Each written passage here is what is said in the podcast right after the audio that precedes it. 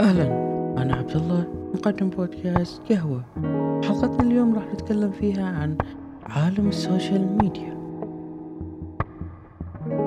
مع تطور التكنولوجيا أصبحت ال social media جزء لا يتجزأ من حياتنا اليومية. إنها منصة تمكننا من التواصل والتفاعل مع العالم بأسرع بطرق لم تكن ممكنة بالماضي وفي هذا العصر الرقمي أصبحت ال social media ليست مجرد وسيلة للترفيه بل أصبحت منصة حيوية تؤثر في ثقافتنا ومجتمعنا بشكل عميق. وأول شيء راح نتكلم عنه هو التواصل والتفاعل في ال social media. تقدم ال social media وسيلة فعالة للتواصل مع الأصدقاء والعائلة سواء كنت في نفس المدينة أو على الجانب الآخر من العالم. تقدر تشارك الأخبار والصور بالفيديوهات مع الأشخاص اللي تحبهم واللي تحب تتصل معاهم على طول ودايم تتصل وياهم وتكون متفاعل وياهم. فال social media قدمت لنا هالشيء هالشيء إيجابي. هالشيء من, من ناحية ال social media هاي شيء إيجابي. من ناحية إنك تتواصل وتتفاعل مع الناس اللي تحبهم والقريبة منك.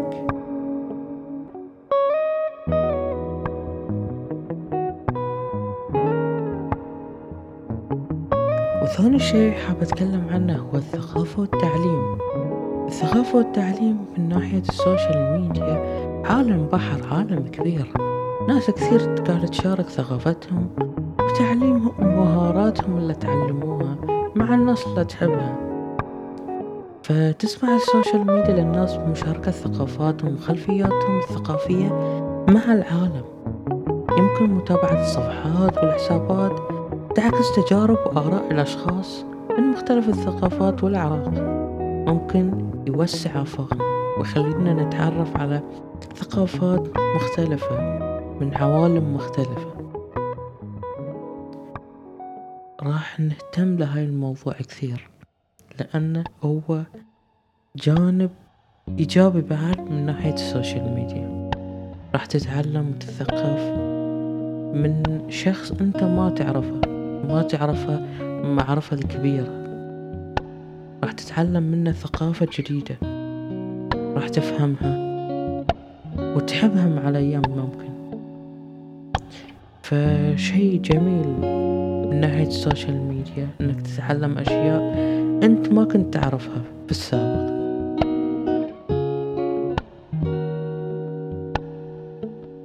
وثالث شي حاب أتكلم عنه هو التغيير والتأثير من ناحية ال social media أثرت السوشيال ميديا بشكل كبير على القضايا الاجتماعية والسياسية وأصبح بإمكان الأفراد نشر آرائهم والمشاركة في الحوارات حول القضايا المهمة. ويمكن للحملات الاجتماعية. على التواصل الاجتماعي أن تحقق التغيير وتلهم العديد من الأشخاص لدعم القضايا الإنسانية وحقوق الإنسان. مثل وضعنا اللي قاعد يصير في العالم الحين مع القضية الفلسطينية. الإعلام وال social media هو الحرب الأساسية. تقدر تخلق حرب كامل من ناحية ال social media. الحرب مو بس حرب سلاح وقتال لا الحرب حتى إعلامية تقدر تأثر على الاقتصاد من ناحية المقاطعة وتأثر على الدولة نفسها. ورابع شيء حاب نتكلم عنه هو التحديات والمسؤوليات من ناحية ال social media. مع فوائد ال social media تأتي أيضا التحديات. ويجب علينا أن نكون حذرين من الانجراف في عالم الإنترنت بشكل مفرط نحن ملزومين بأخذ المعلومات من المصدر الصحيح وبرؤية وتفكير نقدي. ويجب أيضا علينا أن نكون مسؤولين عن الكلمات والأفعال اللي نشاركها على المنصات لضمان بناء مجتمع افتراضي صحي ومحترم.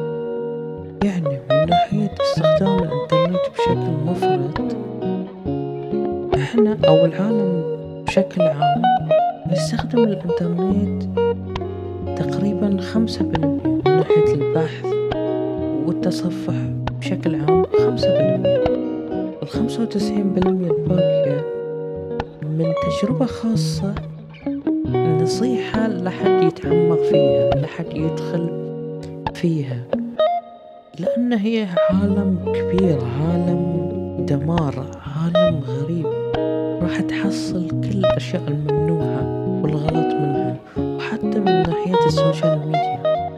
راح تحصل جانب مظلم كبير يدخلك في مشاكل أنت غنى عنها.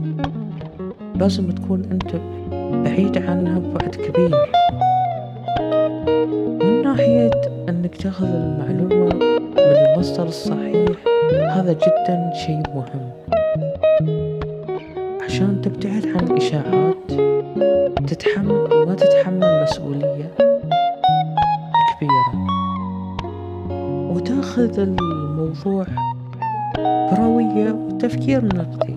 يعني تتقبل رأي الغير عشان يتقبل رأيك وتحترمه وتحترم وجهة نظره تحترم, وجهة نظرة عشان يحترم وجهة نظرك ويحترم موضوعك بشكل عام. ومن ناحية إن لازم نكون مسؤولين عن كل كلمة وكل فعل نشاركه في السوشيال ميديا كصانع محتوى لازم تكون أنت واعي وفاهم كل كلمة تقولها وكل فعل تسويه عشان ما راح تضر أي شخص يتابعك وعشان تضمن أن يكون بنيت مجتمع افتراضي صحي ومحترم. كشخص آه، متابع ما تقدر تلومه أنت ليش تتابعني أنا حسابي فيه هذا الأشياء الغلط أو الأشياء الكبيرة. كمتابع أنا أكثر أفتح حساب وأنا في عمر صغير بس أفتحه على ان عمري كبير.